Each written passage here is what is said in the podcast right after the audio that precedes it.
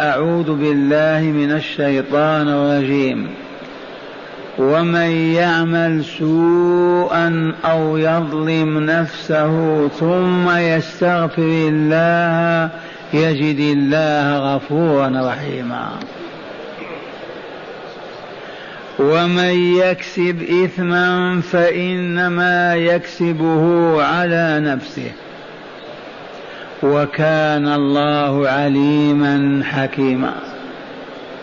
ومن يكسب خطيئة أو إثما ثم يرم به بريئا فقد احتمل بهتانا وإثما مبينا. ولولا فضل الله عليك ورحمته لهم طائفة منهم أن يضلوك وما يضلون إلا أنفسهم وما يضرونك من شيء. وأنزل الله عليك الكتاب والحكمة وعلمك ما لم تكن تعلم وكان فضل الله عليك عظيما. تأملوا هذا الله يخاطب رسوله. ومن يعمل سوءا أو يظلم نفسه ثم يستغفر الله يجد الله غفورا رحيما. هذه عامة لكل مؤمن ومؤمنة. ومن يكسب خطيئ ومن يكسب إثما فإنما يكسبه على نفسه. نعم لا على غيره.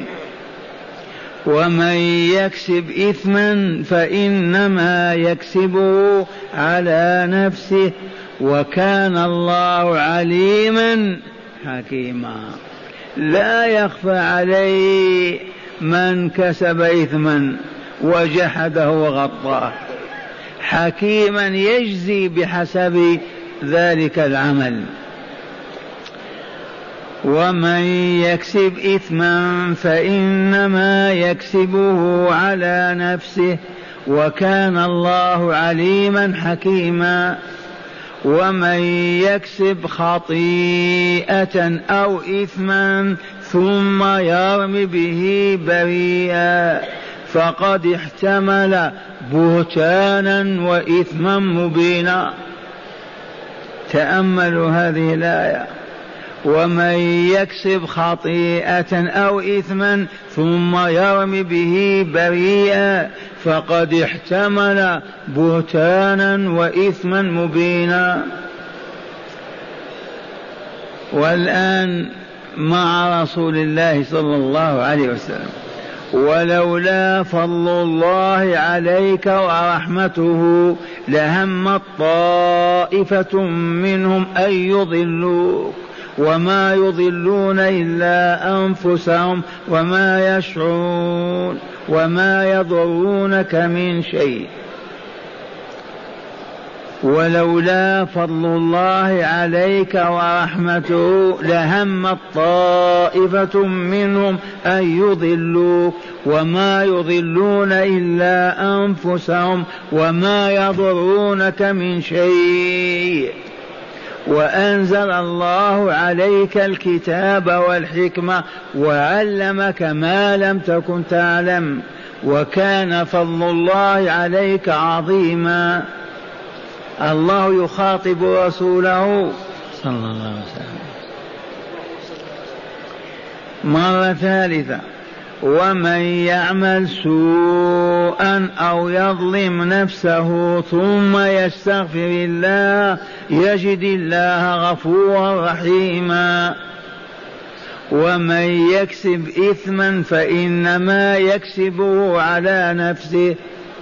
وكان الله عليما حكيما ومن يكسب خطيئة أو إثما ثم يرم به بريئا فقد احتمل بهتانا وإثما مبينا. ولولا فضل الله عليك ورحمته لهم طائفة منهم أن يضلوك. وما يضلون إلا أنفسهم وما يضرونك من شيء وأنزل الله عليك الكتاب والحكمة وعلمك ما لم تكن تعلم وكان فضل الله عليك عظيما. هيا نتدارس هذه الآيات بدون الكتاب.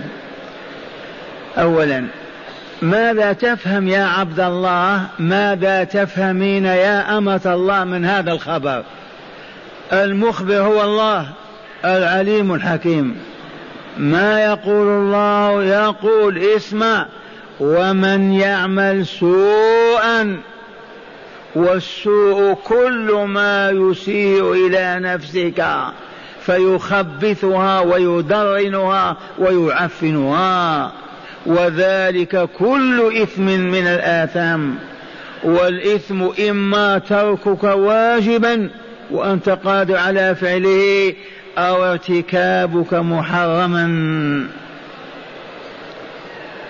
ومن يعمل سوءا أي ما يسوء إلى نفسه. ومن يعمل سوءا أو يظلم نفسه. يعمل سوء مع غيره. يكذب. تباتم. يضرب. يظلم غير, غير نفسه.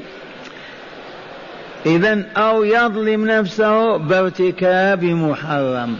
إما بترك واجب أوجبه الله أو بغشيان محرم حرمه الله. عقيدة كان أو قولا أو فعلا. تذكرون قصة بني أبيرق أمس وطعم على رئيس على رأسهم. الآيات تدور عليهم. فانظر كيف تجلت رحمة الله. وقال لهم من يعمل سوءا أو يظلم نفسه منكم يا بني أبيرق ومن شارك في الإثم ووقف إلى جنبكم بابنا مفتوح استغفروا الله تجد الله غفور رحيم. سبحان الله العظيم.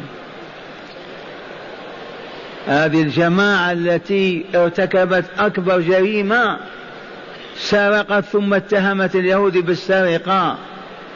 واستطاعوا أن يجذبوا رسول الله إليهم وكاد يوافقهم على دعواهم ويقطع يد اليهود لكن الله سلم فأنزل هذه الآيات وفضح أولئك المنافقين. ومع هذا فتح لهم باب الرحمة. من؟ من أبيض أو أسود ذكر أو أنثى عربي أو عجمي من يعمل سوءا مع أي مؤمن أو مؤمنة بأخذ ماله بسبه بشتمه بالكذب عليه بالإفتراء عليه أو يظلم نفسه بارتكاب محرم أو ترك واجب. ثم بعد ذلك يستغفر الله أن يتوب توبة نصوحا. ويكثر من الاستغفار ولا يفارقه الندم ويطلب العفو ممن جنى عليه أو اعتدى عليه. هذه التوبة عبر عنها بالاستغفار ولا بد من التوبة. الرجوع إلى الصواب الرجوع إلى الحق. فإن كان بينه وبين أخيه يطلب سماحا منه معذرة عفوا يعطيه ما أخذ منه. هذا يجد الله غفورا رحيما. لا تخف أن تقول أغلق باب التوبة في وجهي. ما من مؤمن ولا مؤمنة يعمل سوء وهو الإثم الضار الفاسد أو يظلم نفسه بالذات بأن يرتكب ما حرم الله ثم يستغفر الله نادما راجعا إلى الصواب عائدا إلى الحق ويواصل الاستغفار والتوبة فإنه يجد الله غفورا له رحيما به. يغفر زلته ويرحمه. فتح لهم باب التوبة ولا لا إلا من رفض. الآية الثانية يقول تعالى ومن يكسب إثما من الآثام. والإثم كل ضار فاسد. كل ما يضر فهو إثم. كل ما هو فاسد فهو إثم. غير صالح. ومن يكسب إثما فإنما يكسبه على نفسه. يكسب على غيره. لو يقوم أحد من الآن ويقول الباطل هذا نتأذى به نحن؟ لا يعود عليه هو. لما؟ لأن ذلك العمل يتولد عنه أو ينتج ظلمة النفس وخبث الروح وتدسيتها فما تتدس روحنا ولا أنت بذنب ذلك الرجل. اللهم إلا في حال رضانا بالباطل وسكوتنا عنه حينئذ ارتكبنا ذنبا آخر وهو أننا ما أمرنا بمعروف ولا نهينا عن منكر. ومن يكسب إثما فإنما يكسبه على نفسه. وكان الله عليما حكيما. لم هذا التذييل عليما لا يخفى عنه ذنب يرتكبه إنسان على وجه الأرض. لا تفهم أنك قد لا يطلع الله عليك أو لا يدري ساعة ما قلت أو فعلت. وكان الله وما زال عليما بالخلق كلهم. إذ علم الله تغلغل في كل ذرات الكون. العلو والسفلي. لا يخفى عليه من أمرنا شيء. وحكيما يضع الشيء في موضعه.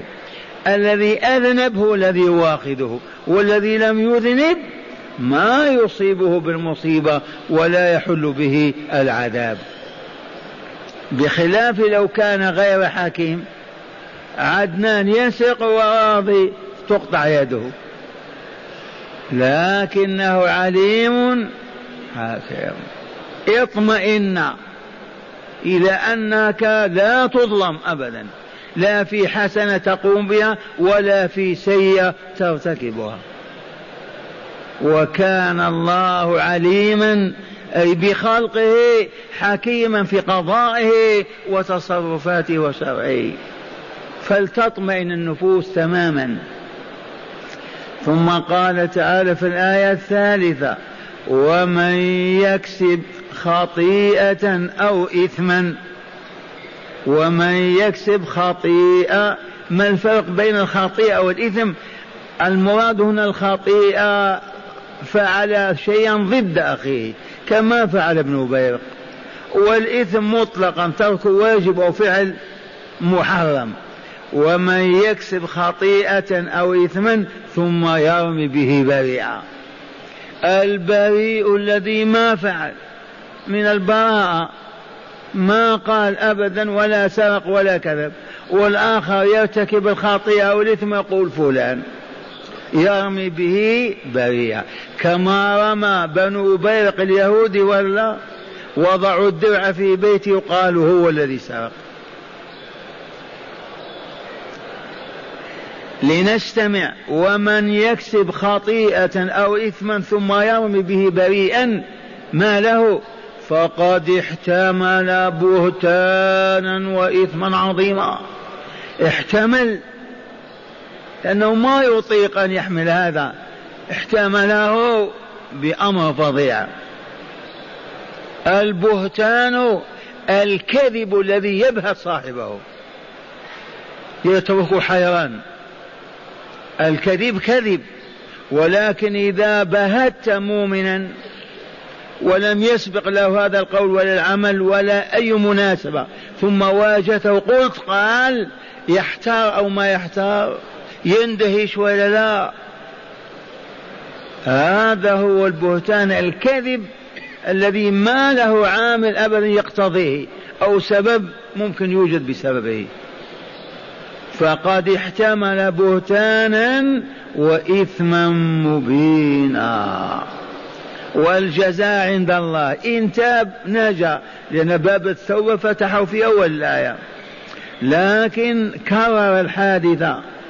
ومن يكسب خطيئة أو إثما هم سرقوا وإلا لا؟ ولما خافوا أن يفتضحوا رموا اليهودي إذا ارتكبوا خطيئة وإثما. فقد احتمل بهتانا وإثما مبينا. الآن انتهى الكلام مع بني أبيرق ومن وقف إلى جنبهم من أهل الغفلة. وفتح الله لهم الباب وتاب على من تاب. الآن الكلام مع الرسول صلى الله عليه وسلم. يقول تعالى ولولا فضل الله عليك ورحمته يا رسولنا لهمت طائفة منهم أن يضلوك.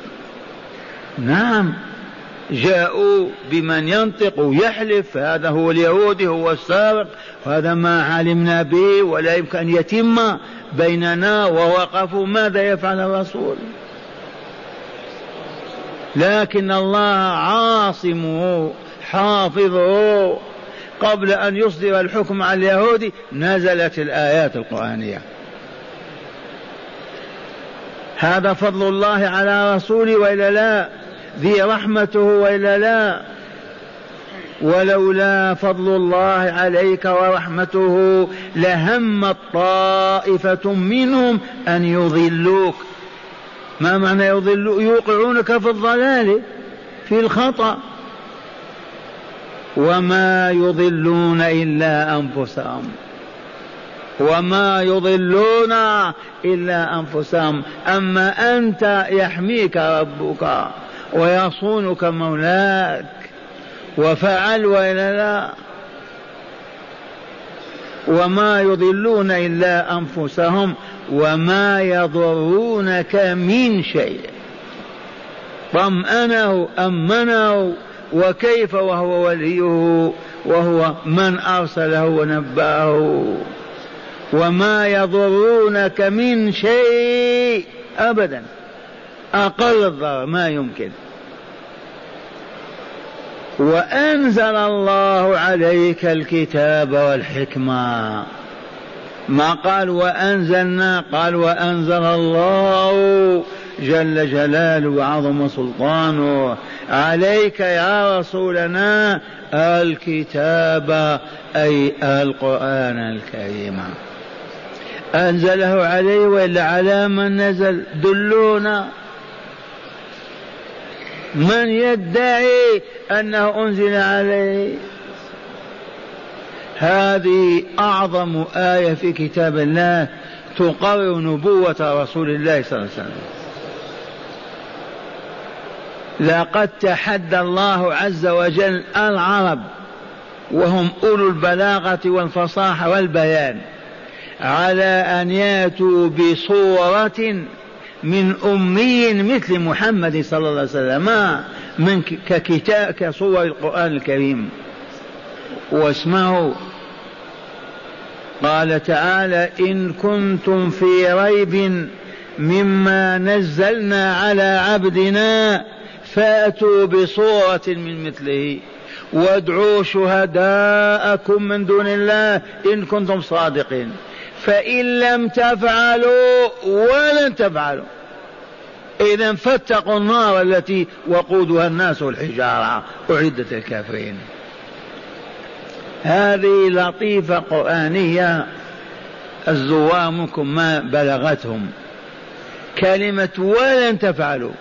لن يقول هذا إلا الله. لا يستطيع كائن يقول هذا إلا الله. لما؟ لأن الله عز وجل قادر على أن يختم على قلوبهم وألسنتهم. ولا يقدر أحد أن يحاكي أو يماثله. ثانيا هذه الأنوار القرآنية من أين لغير الرسول أن يأتي بمثلها؟ انتبهوا إن كنتم في ريب أي شك مما نزلنا على عبدنا من هذا القرآن. إذا فأتوا بصورة من مثله من مثل محمد في أميته أربعين سنة قضاها وهو أمي ولا يقرأ ولا يكتب ثم يأتي بهذه العلوم والمعارف التي يحار لها العقل ويأتي بقصص وتاريخ البشرية لن يستطيع أحد أن يرد كلمة أبدا أو يقول هذا ما وقع. ثم يقول فإن لم تفعلوا فاتقوا النار التي أي أسلموا وادخلوا في رحمة الله. لكن قال ولن تفعلوا. لن الزمخشرية في المستقبل وإلا لا. ولن تفعلوا. اليوم ألف وأربعمائة سنة. فعلوا. جاءوا بسورة نقول اليابان الصناعة اليوم تفوقت. هل تستطيع أن تنتج آلة من آلات الحديد؟ سيارة وغيرها وتقول نتحدى البشرية لمدة سبعين سنة أن ينتجوا مثل هذه. ممكن يقولون مستحيل. ما يقدرون. أو أمريكا أو روسيا أو أي دولة صنعها وتقول نتحدى أن يوجد مثل هذا لفترة خمسين أو سبعين سنة. قالوا شيء من هذا؟ ما. والله ماذا قال؟ ولن تفعلوا. هل فعلوا؟ كم سنة الآن؟ ألف وأربعمائة وخمسة عشر سنة. قولوا آمنا بالله.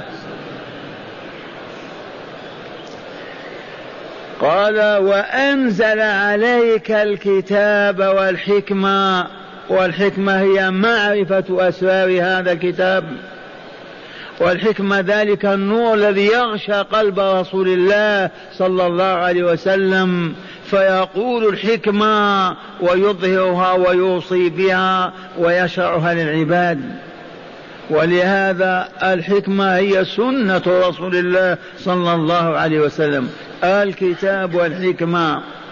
وعلمك ما لم تكن تعلم. صح ولا لا؟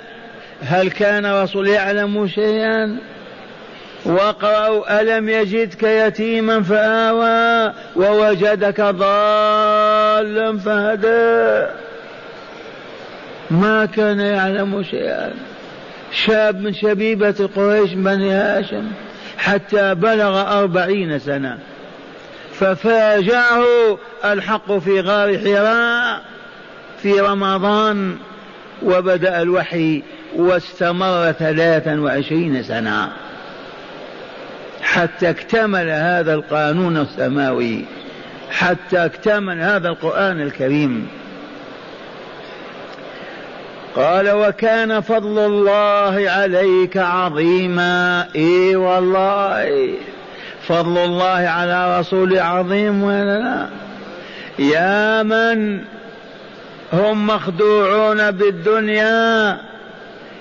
الرسول الذي يقول له ربه وكان فضل عليك عظيما ما شبع من خبز الشعير مرتين في يوم واحد.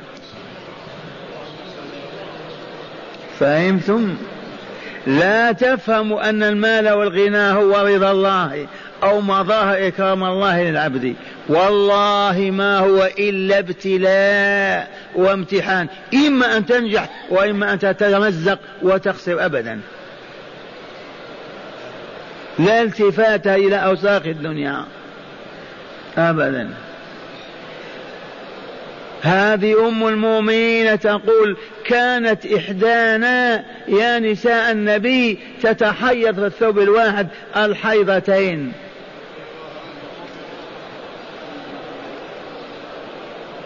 إذا ما فضل الله على رسوله صلى الله؟ عليه وسلم حسبه أن يرفعه إليه.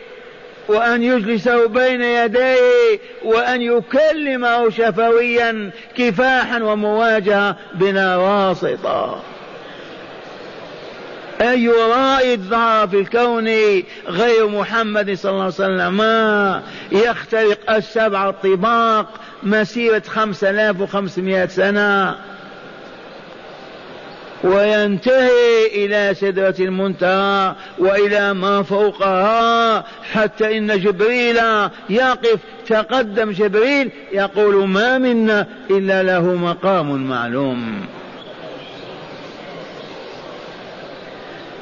كان له حرس من المؤمنين خائفين من اليهود والمنافقين والمشركين في العام الأول والثاني من قدومه المدينة.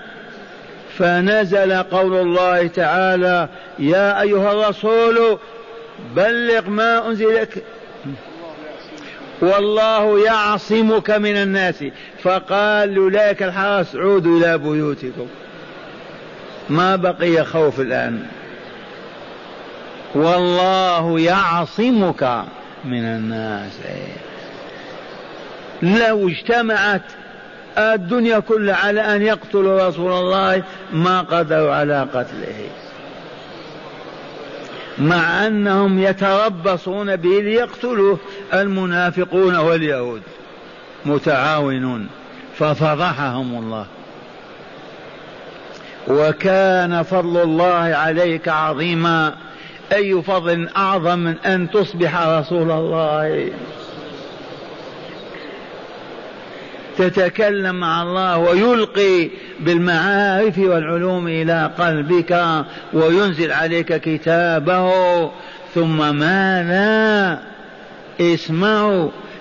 أول من يدخل الجنة دار السلام محمد صلى الله عليه وسلم وأتباعه. أول أمة مع أنهم آخر أمة في الوجود ولكن أول أمة في دار السلام. أعطاه الله أعظم عطاء أعطاه الشفاعة العظمى. تعرفون عن الشفاعة العظمى؟ إليكم صورتها لما تقف البشرية كلها على صعيد واحد على أرض بيضاء كخبز نقي لا جبل ولا تل ولا انخفاض ولا ارتفاع. وهي واقفة واليوم والله طوله خمسون ألف سنة. من عهد عيسى إلى اليوم ألفين سنة لسه ما كملت. فين ثمانية وأربعين سنة أخرى؟ ثمانية وأربعين ألف. خمسين ألف سنة. واقرأوا في يوم كان مقداره خمسين ألف سنة فاصبر صبرا جميلا. وهم واقفون ينتظرون القضاء فيهم وعليهم. ومن مظاهر هذا وإذا بنفخة من نفخات إسرافيل فيصعق فيها كل أحد إلا من شاء الله. قال الحبيب صلى الله عليه وسلم فأكون أول من يفيق. أول من يفيق من تلك الصعقة أنا وإذا بأخي موسى آخذ بقائمة العرش. لا أدري آفاق قبلي أو جوزي بصعقة الطور فلم يصعق. لا أدري. آفاق قبلي أو جوزي بصعقة الطور فلم يصعق. أي صعقة الطور؟ لما كان في جبل الطور. سيناء وفلسطين موجود الجبل. كلمه ربه كفاحا بلا واسطة. فلما غمره ذلك الحب وذلك الكمال فهشت نفسه وطلب من ربه أن يريه وجهه ما دام يسمع كلامه وواعدنا موسى ثلاثين ليلة وأتممناها بعشر فتم ميقات ربي أربعين ليلة. قال رب أرني أنظر إليك. قال لن تراني ولكن انظر إلى جبل أمامه فإن استقر مكانه فسوف تراني. فتجلى الرحمن ظهر للجبل فاندك الجبل.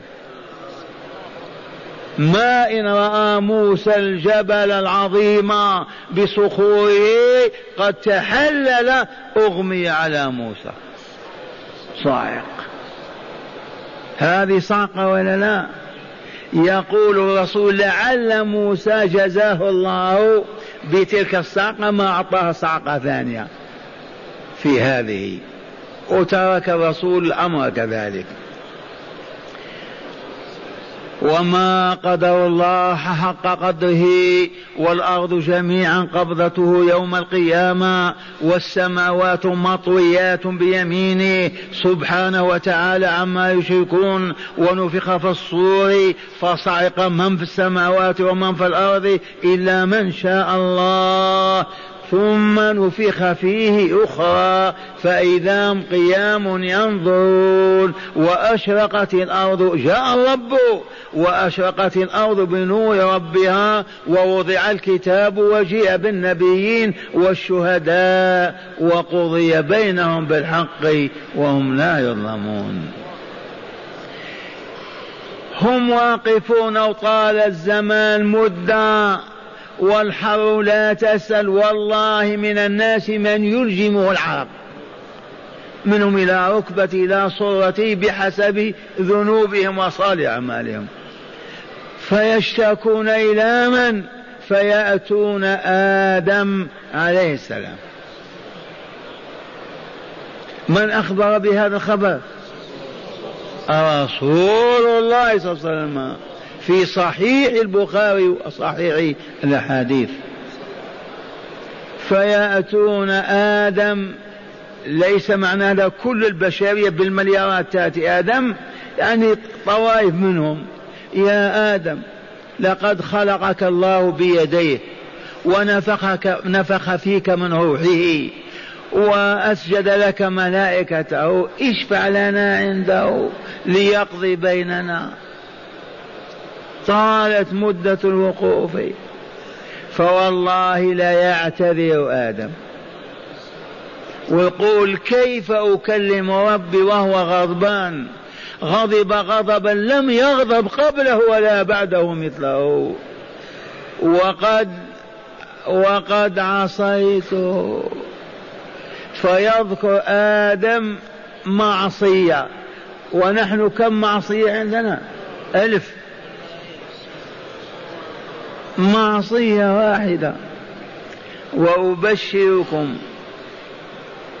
ولا تقولوا الشيخ بهلول إننا من كبار الساسة في العالم. والله العظيم. منذ ثلاث ليالي رأيت آدم في المنام. كأحسن ما يكون. وأنا معه جالس وأتكلم آدم. عجيبة هذه الرؤيا.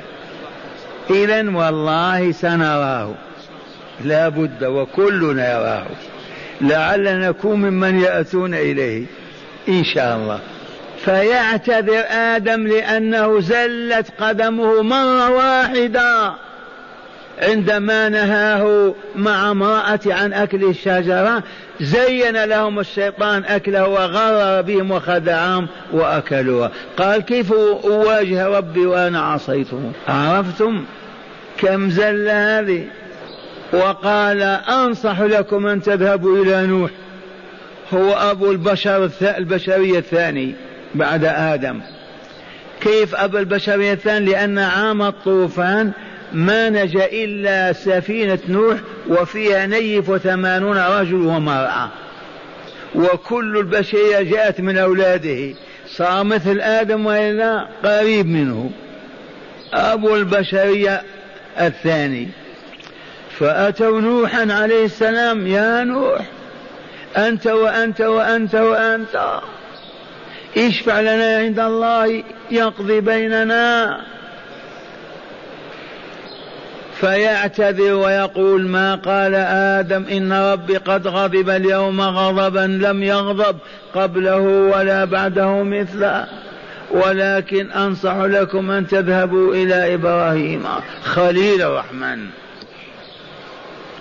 ويذكر زلته خطيئته. ماذا فعل؟ قتل نفسا. زنى بامرأة مؤمن. شرب الخمر والكوكايين. ماذا فعل نوح؟ ألف سنة إلا خمسين عاما وهو يتلقى الضربة يضربونه حتى يغمى عليه. ألف سنة إلا خمسين عاما. ما هي خطيئته التي استحى أن يكلم الله وقد فعلها هو أنه قال بعد مرور القرون والقوم في ازدياد في الكفر والعناد قال ربي لا تذر على الأرض من الكافرين ديارا. من لهم؟ إنك إن تذرهم يضل عبادك ولا يلدوا إلا فاجرا كفارا.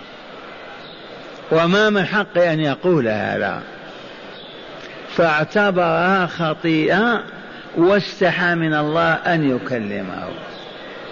معشر المستمعين والمستمعات هيا نعد خطايانا كم؟ سجلوها. وقال أنصح لكم أن تأتوا إبراهيم خليل الرحمن.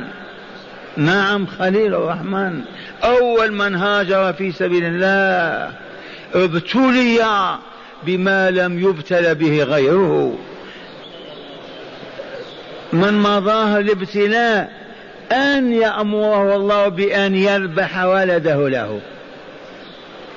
أنت تحبني يا إبراهيم؟ اذبح لي إسماعيل. واقرأوا وإذ ابتلى إبراهيم ربه بكلمات أوامر فأتمهن. قال إني جاعلك للناس إماما. نال الإمامة ولا لا؟ بالامتحان. ومن الامتحان أنه وقف في وجه المشركين وعلى رأسهم والده كذا من السنين حتى حكموا عليه بالإعدام وبالإحراق بالنار. والله لقد ألقوه بالمنجنيق في ذلك الأتون الملتهب. ولكن الله استدركه. وهو في الطريق إلى النار لأن النار أججوها أربعين يوما. النساء ينذرن النذور لآلهتهم. من أجل إبراهيم؟ تأتي بحزمة حطب. فلما أرادوا أن يلقوه كيف يلقوه؟ من ينقرب منها؟ جعلوه في مثل منجنيق أو المعلاق وضربوه. في الطريق عرض له جبريل. إبراهيم هل لك حاجة؟ قال أما إليك فلا. أما إليك فلا حاجتي إلى ربي فقال تعالى يا نار كوني بردا وسلاما على إبراهيم. فوقع فيها فاحترق الكتاب في رجليه ويديه وخرج وودعهم. إني ذاهب إلى ربي سيهديني. فترك أرض بابل والعراق واتجه غربا حتى وصل إلى مصر أول مهاجر في الأرض إبراهيم. إبراهيم عليه السلام قالوا يا إبراهيم أرأيت أرأيت ما بلنا ما؟ قال اشفع لنا عند الله.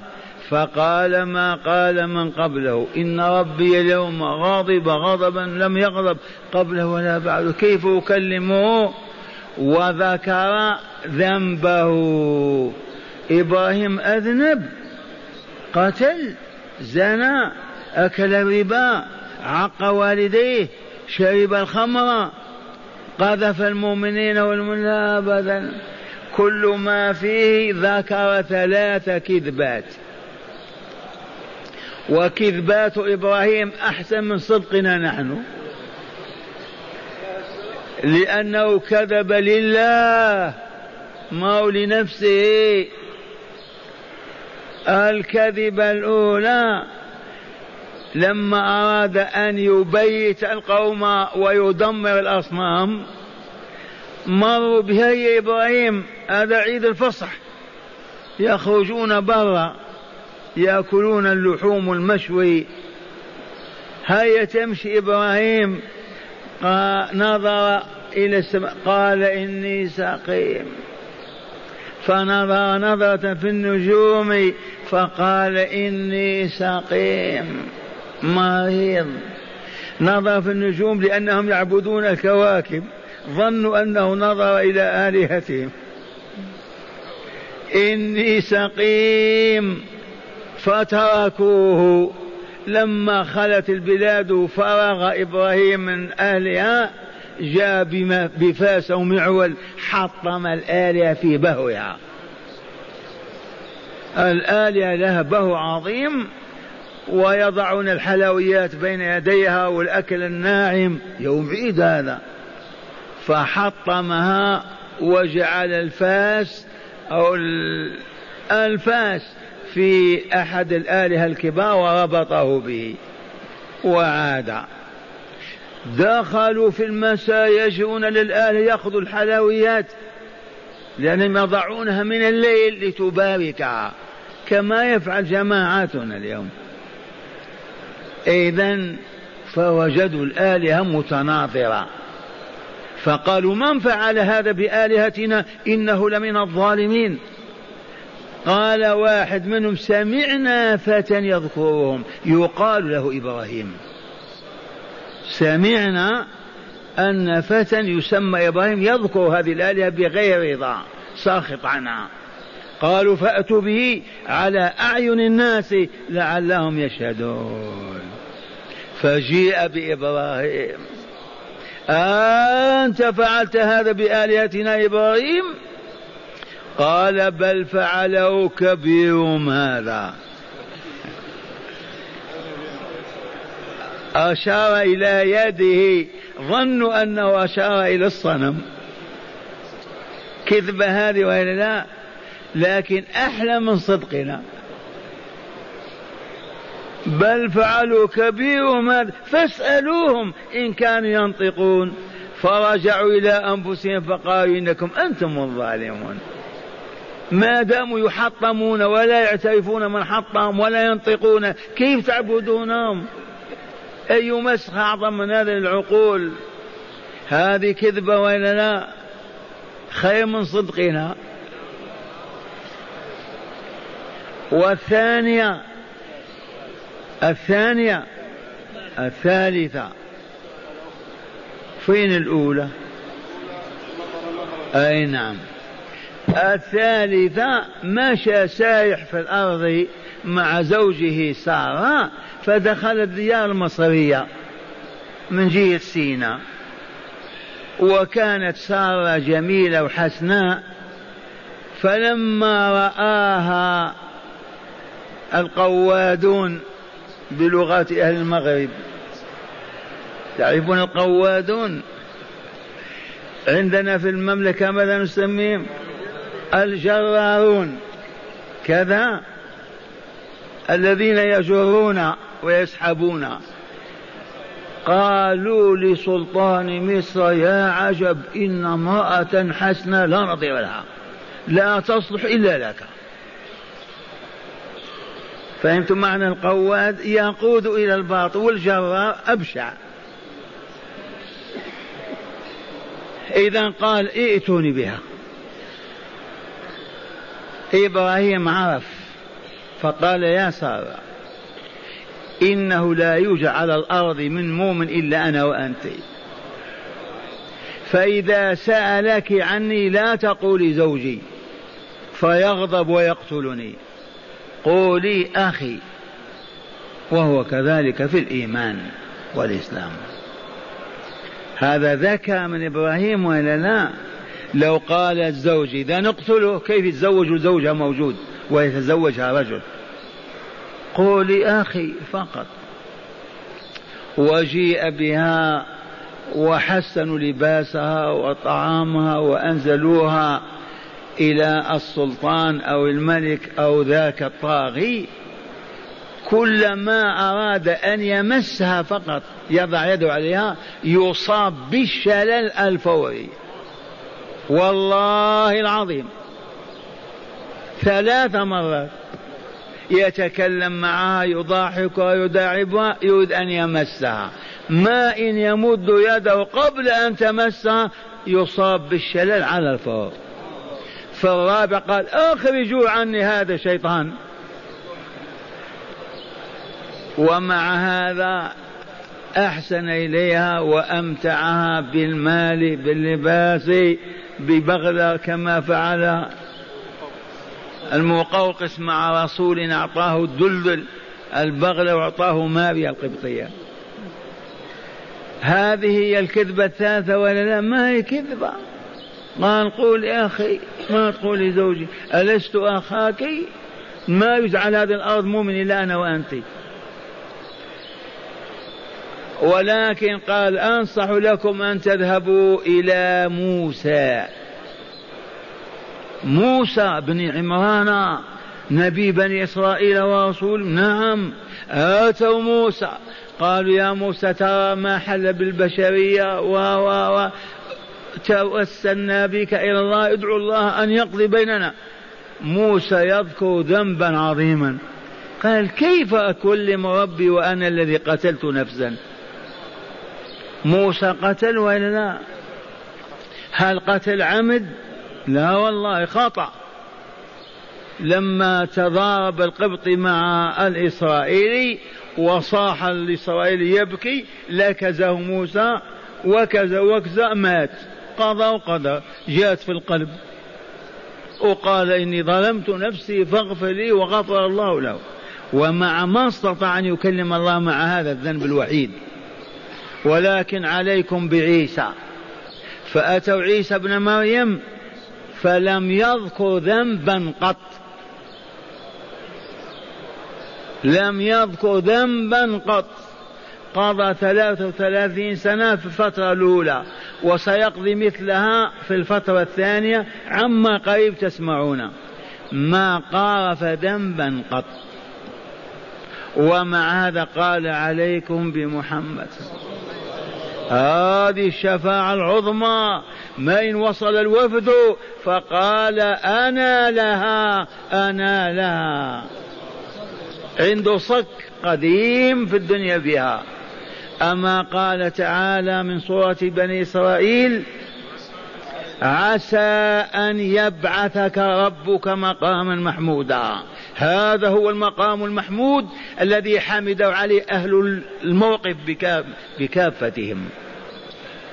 قال فآتي العرش فأخر ساجدا تحت العرش. فيلهمني ربي محامد ألفاظ حمد وثناء ما كنت أعلمها.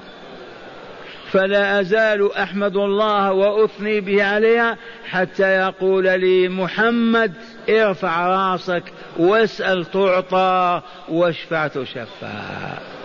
فصلوا عليه وسلموا تسليما. هذا هو المقام المحمود. هذه الشفاعة العظمى. هل ذكر رسول الله ذنبا؟ أبدا. وكان فضل الله عليك عظيما.